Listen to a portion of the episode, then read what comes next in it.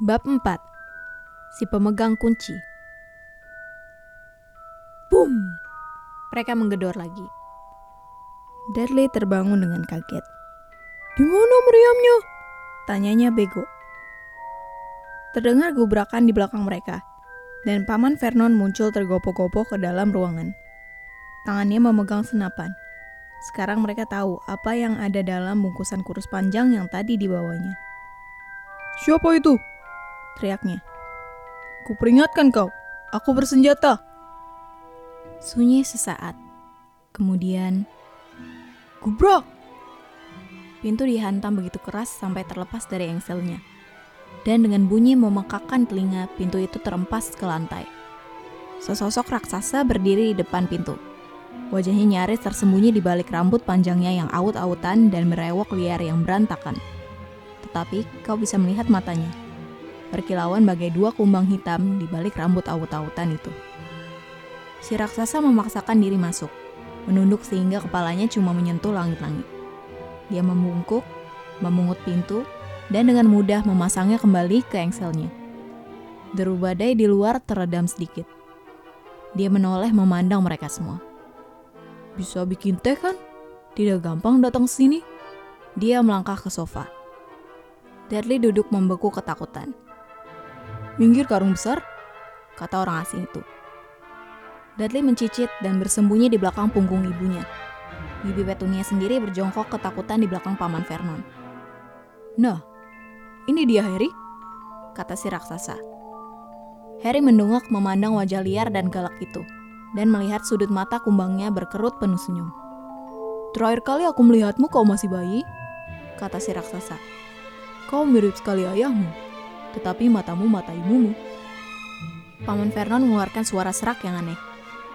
Saya meminta Anda segera pergi, sir. Katanya, Anda menjebol pintu dan masuk tanpa izin. Ah, tutup mulut, Dursley. Jangan sok. kata si raksasa. Tangannya menjangkau ke belakang sofa, menjamret senapan dari tangan Paman Vernon, membekokkannya seakan senapan itu terbuat dari karet saja, lalu melemparnya ke sudut ruangan. Paman Vernon mengeluarkan suara aneh lagi, seperti cicit tikus yang terinjak. Yang jelas, Harry, Kata si raksasa, berbalik membelakangi keluarga Dursley. selamat ulang tahun untukmu. Selamat panjang umur. Bawa sesuatu buatmu. Mungkin tadi kududuki, tapi rasanya pasti masih enak. Dari saku dalam mantel hitamnya, dia mengeluarkan kotak yang agak penyok. Harry membukanya dengan tangan gemetar. Di dalam kotak itu, ada kue coklat besar dengan tulisan Selamat ulang tahun Harry dari gula hijau. Harry menengadah menatap si raksasa. Dia bermaksud mengucapkan terima kasih, tetapi kata-katanya menghilang dalam perjalanan ke mulutnya. Dan yang dikatakannya malah, Siapa kau? Si raksasa tertawa. Betul, aku belum perkenalkan diri. Rubius Hagrid, pemegang kunci dan pengawas binatang liar di Hogwarts. Dia mengulurkan tangan yang besar sekali dan mengguncang seluruh lengan Harry. Bagaimana tehnya tadi eh? Katanya, seraya menggosok-gosokkan tangannya. Aku juga tidak tolak minuman yang lebih keras kalau memang ada. Pandangannya tertuju ke perapian dengan bungkus keripik yang sudah mengerut dan dia menengus. Dia membungkuk ke perapian. Tetapi ketika dia tegak lagi, sedetik kemudian, api sudah menyala-nyala. Api itu memenuhi pondok yang lembab dengan cahayanya yang bergerak-gerak. Dan Harry merasa kehangatan menyelubunginya. Seakan dia masuk ke dalam bak berisi air panas. Si raksasa duduk kembali di sofa, yang langsung melesak keberatan dan mulai mengeluarkan berbagai benda dari dalam sakunya. Ceret tembaga, satu pak sosis lezat, tusukan panjang, teko, beberapa cangkir yang sudah somplak, dan sebotol cairan kuning kecoklatan yang diteguknya dulu sebelum dia menyiapkan makanan. Segera saja pondok dipenuhi bunyi dan bau sosis panggang yang lezat. Tak seorang pun bicara ketika si raksasa bekerja. Tetapi ketika dia melepas enam sosis gemuk berminyak yang sedikit gosong dari tusukannya, Dudley mulai gelisah. Paman Vernon berkata tajam. Jangan sentuh apa pun yang diberikannya padamu, Dudley. Si raksasa tertawa seram. Anakmu yang sudah sebulat bola tidak perlu digemukkan lagi, Dursley. Jangan khawatir. Dia menyerahkan sosis-sosis itu kepada Harry. Harry yang sudah lapar sekali belum pernah makan makanan selezat itu. Tetapi, dia tetap tak bisa melepaskan pandangannya dari si raksasa. Akhirnya, karena tak seorang pun kelihatannya akan menjelaskan, dia berkata, Maaf, tapi saya tetap belum tahu siapa Anda. Si raksasa menghirup tehnya dengan tegukan besar dan melap mulut dengan punggung tangannya. Panggil aku Hagrid, katanya. Semua panggil aku begitu. Dan seperti sudah kubilang, aku pemegang kunci di Hogwarts. Kau tentunya sudah tahu tentang Hogwarts? Eh, belum, kata Harry. Hagrid kelihatannya terperangah. Maaf, kata Harry cepat-cepat. Maaf, balas Hagrid. Menoleh menatap keluarga Dursley yang mengerut dalam bayangan kegelapan. Mereka lah yang harus minta maaf. Aku tahu suratmu tidak kau terima, tapi tak pernah kuduga kau tidak tahu tentang Hogwarts. Astaga, tak pernahkah kau ingin tahu di mana orang tuamu belajar semua itu? Semua apa? Tanya Harry. Semua apa? Gelegar Hagrid. Tunggu dulu. Dia melompat berdiri. Dalam kemarahannya, dia seolah memenuhi seluruh pondok. Keluarga Dursley merapat ketakutan ke tembok. Apa ini berarti? Dia menggeram kepada keluarga Dursley. Bahwa anak ini, anak ini tidak tahu tentang, tidak tahu apa-apa. Harry merasa ini sudah kelewatan. Dia kan sekolah, dan angka-angkanya juga tidak buruk. Aku tahu beberapa hal, katanya. Aku bisa matematika dan pelajaran-pelajaran lain. Tetapi Hagrid hanya mengibaskan tangannya dan berkata, Tentang dunia kita maksudku, duniamu, duniaku, dunia orang tuamu. Dunia apa? Hagrid kelihatannya sudah siap meledak. Dursley! Teriakannya mengguntur. Paman Vernon yang sudah pucat pasi menggumamkan sesuatu yang kedengarannya seperti Mimbo Wimbo. Hagrid menatap liar kepada Harry. Tapi, kau pasti tahu tentang ayah dan ibumu, katanya. Maksudku, mereka terkenal. Kau terkenal. Apa? J jadi, ayah dan ibuku terkenal. Kau tak tahu. Kau tak tahu. Hagrid menyisir rambut dengan jari-jarinya, memandang Harry keheranan. Kau tak tahu kau ini apa? Katanya akhirnya. Paman Vernon mendadak menemukan suaranya. Stop! Perintahnya. Stop di sini, sir. Saya larang Anda memberitahu anak ini apa pun.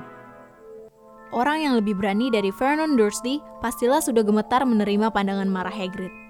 Ketika Hagrid bicara, setiap suku katanya gemetar saking marahnya dia. Kau tak pernah bilang padanya. Tak pernah beritahu dia apa yang ada dalam surat yang ditinggalkan Dumbledore untuknya. Aku ada di sana. Aku lihat sendiri Dumbledore tinggalkan surat itu, Dursley. Dan kau sembunyikan itu darinya selama bertahun-tahun ini. Menyembunyikan apa dariku? Tanya Harry tak sabar. Stop, kularang kau, teriak Paman Vernon panik. Bibi Petunia tersedak kaget. Oh, peduli amat kalian berdua, kata Hagrid. Harry, kau penyihir. Sunyi senyap di dalam pondok. Hanya debur ombak dan deru angin yang terdengar. Aku apa? Tanya Harry kaget. Penyihir tentu saja, kata Hagrid yang kembali duduk di sofa, sehingga sofanya berderit dan melesak lebih dalam lagi. Dan penyihir yang hebat kalau dilatih sedikit, dengan ayah dan ibu sehebat itu, mana bisa lain lagi. Dan kurasa sudah waktunya kau baca suratmu. Harry mengulurkan tangan akhirnya untuk mengambil amplop kekuningan dengan alamat ditulis dengan tinta hijau ditujukan kepada Mr. H. Potter, lantai, pondok di atas karang, laut. Harry menarik keluar suratnya dan membacanya.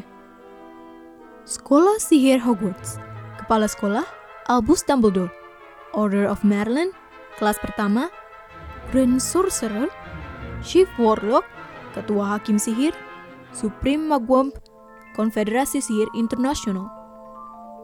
Mr. Potter yang baik, dengan gembira kami mengabarkan bahwa kami menyediakan tempat untuk Anda di sekolah sihir Hogwarts. Terlampir daftar semua buku dan peralatan yang dibutuhkan. Tahun ajaran baru mulai 1 September. Kami menunggu burung hantu Anda paling lambat 31 Juli. Hormat saya, Minerva McGonagall, wakil kepala sekolah. Berbagai pertanyaan meledak-ledak dalam kepala Harry seperti kembang api, dan dia tidak dapat memutuskan mana yang akan ditanyakan lebih dahulu. Sesudah lewat beberapa menit, dia bertanya tergagap. Ah, apa maksud mereka menunggu burung hantuku? Gorgon blow on. Aku jadi ingat, kata Hagrid sembari menepakkan tangan ke dahinya dengan kekuatan yang cukup untuk membalikan kereta kuda. Dan dari dalam saku lain di balik mantelnya, dia menarik keluar burung hantu. Betul-betul burung hantu hidup yang bulunya agak berantakan. Pena bulu panjang dan gulungan kertas. Dengan menggigit lidah, dia menulis pesan yang bisa dibaca Harry dengan terbalik. Mr. Dumbledore yang terhormat, surat Harry sudah kusampaikan. Akan bawa dia beli perlengkapan besok. Cuaca buruk sekali. Mudah-mudahan Anda baik. Hagrid. Hagrid menggulung pesannya, menyerahkannya kepada si burung hantu yang menggigitnya di paruhnya. Lalu melangkah ke pintu dan melontarkan si burung hantu ke dalam badai. Kemudian, dia kembali dan duduk lagi seakan tindakannya tadi sewajar orang bicara di telepon. Harry sadar mulutnya ternganga. Cepat-cepat dikatukannya. Sampai mana aku tadi? Kata Hagrid tetapi saat itu Paman Vernon wajahnya masih pucat pasi, tapi tampangnya sangat marah, maju ke depan perapian. Dia tidak boleh pergi, katanya. Hagrid menggerutu. Aku mau lihat magel hebat sepertimu halangi kepergiannya, katanya. Apa? Tanya Harry tertarik. Magel, kata Hagrid. Itu sebutan kami untuk manusia-manusia yang bukan penyihir. Dan sungguh buruk nasibmu dibesarkan dalam keluarga magel paling sok yang pernah kulihat. Waktu mengambilnya, kami sudah bersumpah kami akan menghentikan semua omong kosong ini, kata Paman Vernon. Bersumpah untuk membelanya. Penyihir, mana ada? Paman dan Bibi tahu, tanya Harry. Paman dan Bibi tahu aku penyihir. Tahu? Pekik Bibi Petunia tiba-tiba. Tahu. Tentu saja kami tahu. Bagaimana tidak? Kalau adikku yang brengsek juga begitu. Oh, dia juga menerima surat seperti itu dan menghilang ke ke sekolah itu. Dan pulang setiap liburan dengan kantong penuh telur katak dan mengubah cangkir menjadi tikus. Aku satu-satunya yang tahu dia seperti apa. Dia aneh. Tetapi ibu dan ayahku, uh, apa-apa Lily. Lily begini dan Lily begitu. Mereka bangga punya anak penyihir dia berhenti untuk menarik napas dalam-dalam, dan kemudian merepet lagi. Kelihatannya sudah bertahun-tahun dia ingin mengeluarkan semua ini. Kemudian dia bertemu si Potter itu di sekolah. Lalu mereka menikah dan punya anak kau. Dan tentu saja aku tahu kau pasti sama anehnya, sama abnormalnya. Dan kemudian si Lily itu kena ledakan dan terpaksa kami kebebanan kau. Harry sudah menjadi pucat. Segera setelah dapat bicara, dia berkata, Ledakan. Kalian bilang mereka meninggal dalam kecelakaan mobil. Kecelakaan mobil? Raung Hagrid melompat bangun dengan amat marah sehingga Mr. dan Mrs. Dursley cepat-cepat kembali ke sudut mereka. Bagaimana mungkin kecelakaan mobil bisa bunuh Lily dan James Potter? Sungguh penghinaan besar. Skandal. Harry Potter tidak tahu kisah hidupnya sendiri sementara semua anak di dunia kami tahu namanya. Tapi kenapa? Apa yang terjadi? Desak Harry. Kemarahannya memudar dari wajah Hagrid. Tiba-tiba dia kelihatan khawatir. Tuh aku sangka akan begini. Katanya cemas dengan suara rendah. Waktu Dumbledore bilang mungkin akan ada kesulitan ambil kau, tak kukira kau serba tidak tahu begini. Ah, Harry, Aku tak tahu apa aku orang yang tepat untuk memberitahu kau. Tapi, harus ada yang kasih tahu. Tak mungkin kau berangkat ke Hogwarts tanpa tahu ini. Hagrid memandang sebal kepada keluarga Dursley. Ya, ada baiknya kau tahu sejauh yang bisa ku ceritakan padamu. Aku tak bisa ceritakan semuanya, soalnya sebagian di antaranya misteri besar. Dia duduk memandang api selama beberapa detik, kemudian berkata, semua ini, menurutku, dimulai oleh orang yang bernama Kelihatan sekali kau tidak tahu namanya. Semua orang di dunia kita tahu. Siapa? Ya, aku tak mau sebut namanya kalau bisa. Tak seorang pun berani sebut namanya. Kenapa tidak? Astaga naga Harry, orang kan masih takut. Wah, susah jadinya. Begini, ada penyihir yang jadi jahat. Jahat sekali. Bahkan lebih dari jahat. Jauh lebih jahat daripada sekedar lebih jahat. Namanya Hagrid menelan ludah, tapi tak ada suara yang keluar. Bagaimana kalau ditulis saja? Harry mengusulkan. Tidak, aku tidak bisa aja. Baiklah. Voldemort. Hagrid bergiring.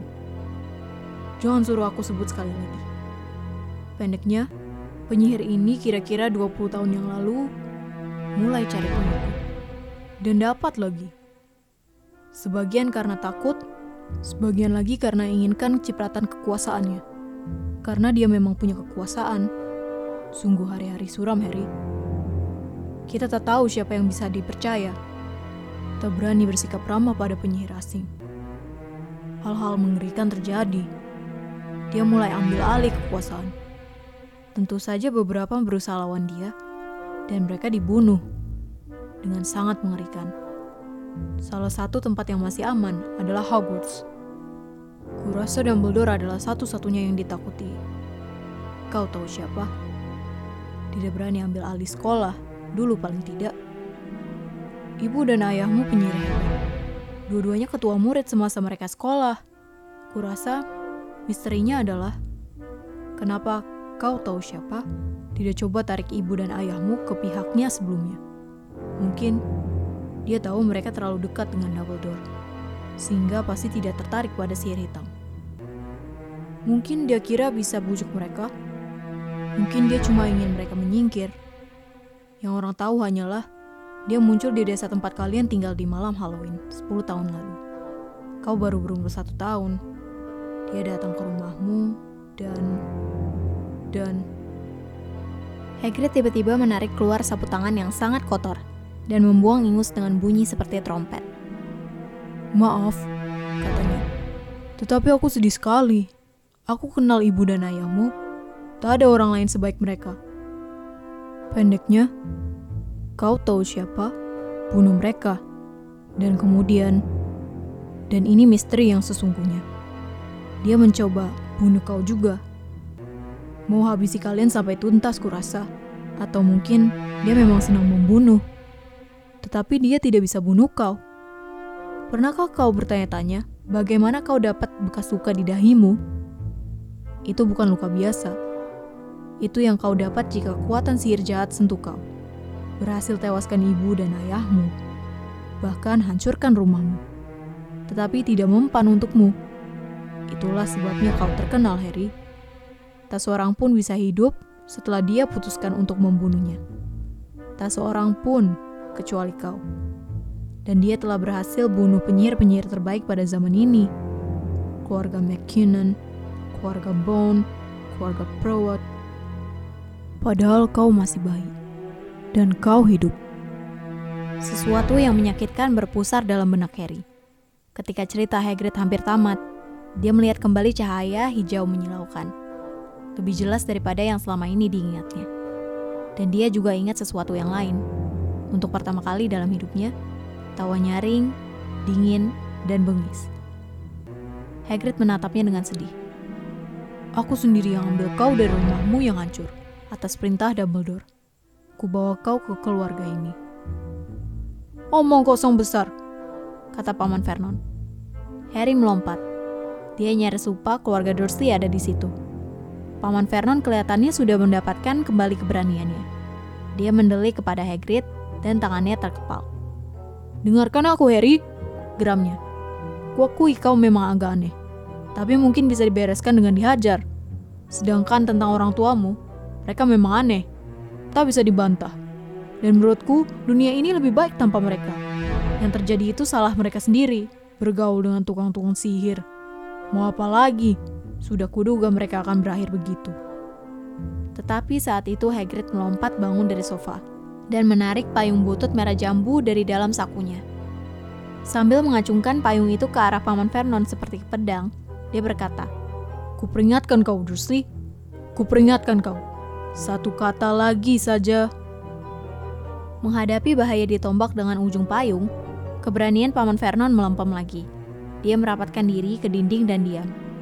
Itu lebih baik, kata Hagrid, bernapas berat dan duduk lagi di sofa yang kali ini melesak sampai ke lantai.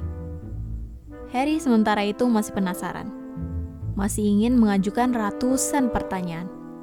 Tetapi, apa yang terjadi pada Vol? Om, maaf. Maksudku, kau tahu siapa? Pertanyaan yang bagus, Harry. Hilang. Lenyap. Malam yang sama dia coba bunuh kau. Membuat kau tambah terkenal. Itulah misteri yang paling besar. Soalnya, belakangan makin lama dia makin kuat. Jadi kenapa dia harus pergi? Ada yang bilang dia mati. Omong kosong menurutku.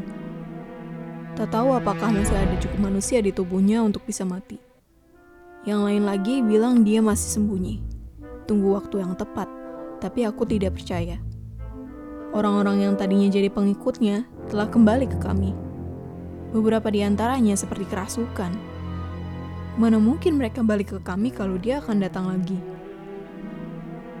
Kebanyakan dari kami duga dia masih ada entah di mana, tapi sudah kehilangan kekuatannya. Terlalu lemah untuk terus merajalela, karena sesuatu pada dirimu menghabisi dia, Harry. Ada yang terjadi malam itu yang di luar perhitungannya. Aku tak tahu apa itu. Tak ada yang tahu. Tetapi, sesuatu pada dirimu membuat dia takluk. Hagrid memandang Harry dengan hangat dan rasa hormat. Tetapi Harry, alih-alih merasa senang dan bangga, merasa yakin ada kekeliruan besar. Penyihir. Dia. Bagaimana mungkin dia penyihir? Dia telah melewatkan hidupnya dijadikan bulan-bulanan oleh Dudley dan ditindas oleh Bibi Petunia dan Paman Vernon. Kalau memang dia penyihir, kenapa mereka tidak berubah menjadi kodok setiap kali mereka mencoba menguncinya di dalam lemari? Jika dia pernah mengalahkan penyihir paling hebat di dunia, bagaimana mungkin Dudley selalu bisa menendang-nendangnya ke sana kemari seperti bola? Hagrid, katanya cemas. Kurasa kau pasti keliru. Tidak mungkin aku penyihir. Betapa herannya dia. Hagrid tertawa. Tidak mungkin penyihir, eh? Tidak pernahkah ada peristiwa-peristiwa yang terjadi setiap kali kau takut atau marah? Harry memandang perapian. Kalau dipikir-pikir, semua kejadian aneh yang membuat Bibi dan pamannya marah kepadanya terjadi ketika dia, Harry, sedang marah atau sedih. Ketika dikejar-kejar oleh geng Dudley, entah bagaimana dia selalu bisa meloloskan diri. Waktu cemas karena harus ke sekolah dengan potong rambut yang konyol, rambutnya tiba-tiba tumbuh sendiri. Dan ketika Dudley terakhir kali memukulnya, bukankah dia telah berhasil membalasnya tanpa sadar? Bukankah dia yang melepas ular boa yang menakutkan Dudley? Harry kembali memandang Hagrid. Tersenyum dan dilihatnya Hagrid nyengir senang kepadanya. Lihat sendiri kan? Kata Hagrid. Harry Potter tidak mungkin penyihir. Tunggu saja, kau akan terkenal di Hogwarts. Tetapi Paman Vernon tak akan mau menyerah tanpa perlawanan. Kan sudah kubilang dia tidak boleh pergi. Desisnya. Dia akan ke Stonewall High dan dia akan berterima kasih karenanya. Aku sudah membaca surat-surat itu dan katanya dia memerlukan segala macam sampah, buku mantra, dan tongkat, dan... Kalau dia mau pergi, magel hebat seperti kau tidak akan bisa larang dia. Geram Hagrid. Melarang anak Lily dan James Potter masuk Hogwarts? Kau gila. Namanya sudah terdaftar di sana sejak dia dilahirkan. Dia akan masuk sekolah sihir paling terkenal di dunia. Tujuh tahun di sana, dia tidak akan kenal dirinya lagi. Dia akan bergaul dengan anak-anak sejenisnya kali ini dan dibawa bimbingan kepala sekolah paling hebat yang dimiliki Hogwarts, Albus Dumbledore. Aku tidak mau membayar laki-laki tua sinting untuk mengajarinya tipuan sihir. Teriak Paman Vernon. Tetapi dia sudah kelewatan. Hagrid menyambar payungnya dan memutar-mutarnya di atas kepala. Jangan berani-berani, gelegarnya. Hina Albus Dumbledore di depanku. Diayunkannya payungnya turun untuk menunjuk Dudley. Ada kilatan cahaya ungu, bunyi seperti petasan, jeritan nyaring, Dan detik berikutnya, Dudley menari-nari di tempat dengan tangan memegangi pantatnya yang gemuk, menjerit-jerit kesakitan. Ketika dia berbalik membelakangi mereka, Harry melihat ekor babi melingkar nongol dari lubang di celananya. Paman Vernon menggerung. Seraya menarik bibi Petunia dan Dudley ke kamar satunya, dia melempar pandangan ketakutan untuk terakhir kali kepada Hagrid. Lalu membanting pintu menutup di belakang mereka. Hagrid menunduk menatap payungnya dan membelai jenggotnya. Harusnya tak boleh marah. Katanya menyesal. Tapi kan tidak berhasil. Maksudku, mau ubah dia jadi babi. Tapi kurasa dia sudah mirip sekali babi. Tak banyak lagi yang bisa dilakukan. Dia melirik Harry dari bawah alisnya yang lebat. Aku akan berterima kasih kalau kau tidak sebut-sebut kejadian ini pada siapa pun di Hogwarts, katanya. Aku, um, sebetulnya tidak boleh menyihir. Hanya boleh sedikit saja untuk ikuti kau dan antar surat-surat kepadamu dan belanja. Salah satu alasan aku ingin sekali dapatkan tugas ini. Kenapa kau tidak boleh menyihir? Tanya Harry. Oh, iya. Aku dulunya sekolah di Hogwarts juga. Tapi, um, aku dikeluarkan jujur saja. Waktu kelas 3, mereka patahkan tongkatku jadi dua dan macam-macam lagi. Tetapi, Dumbledore izinkan aku tinggal sebagai pengawas binatang liar. Orang hebat Dumbledore. Kenapa kau dikeluarkan? Sudah malam, dan banyak yang harus kita lakukan besok. Kata Hagrid keras-keras. Harus ke kota, beli buku-buku, dan peralatanmu. Hagrid melepas mantel hitamnya yang tebal dan melemparkannya kepada Harry. Bisa kau jadikan selimut? Katanya. Jangan pedulikan kalau sedikit meronta-ronta. Kurasa masih ada sepasang tikus di salah satu sakunya.